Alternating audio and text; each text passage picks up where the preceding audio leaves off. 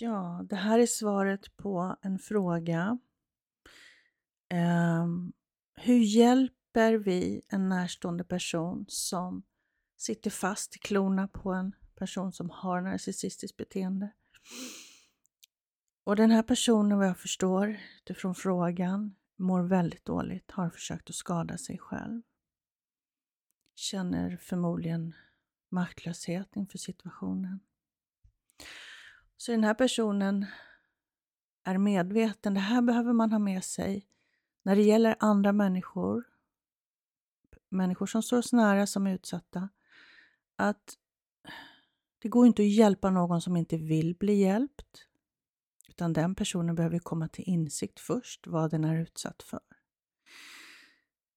Um, så utifrån att den här personen är medveten om vad den är utsatt för, vill därifrån, så skulle jag säga, det här känns som väldigt akut, hjälpa den här personen till ett skyddat boende.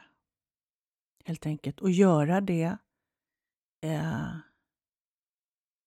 sky, alltså, i tystnad, vad säger jag? Jag hittar inte ordet för det. Men eh, när det finns en möjlighet, en öppning för den här personen att fly hemmet, Eh, alltså ta kontakt med eh, kvinnojour eller mansjour, planera för det här utan att då den partnern som har narcissistiskt beteende vet om det och man säger ingenting till den människan. Det kan vara rent av farligt.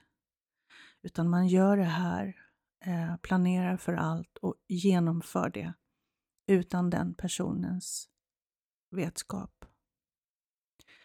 Um, det är mitt svar på den frågan.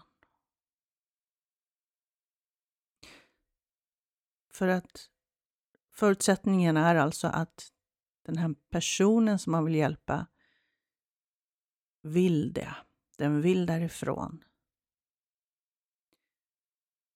Um, och den är medveten om vad den är utsatt för.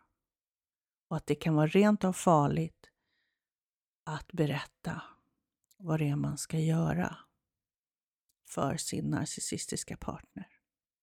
Det ska man alltså inte göra.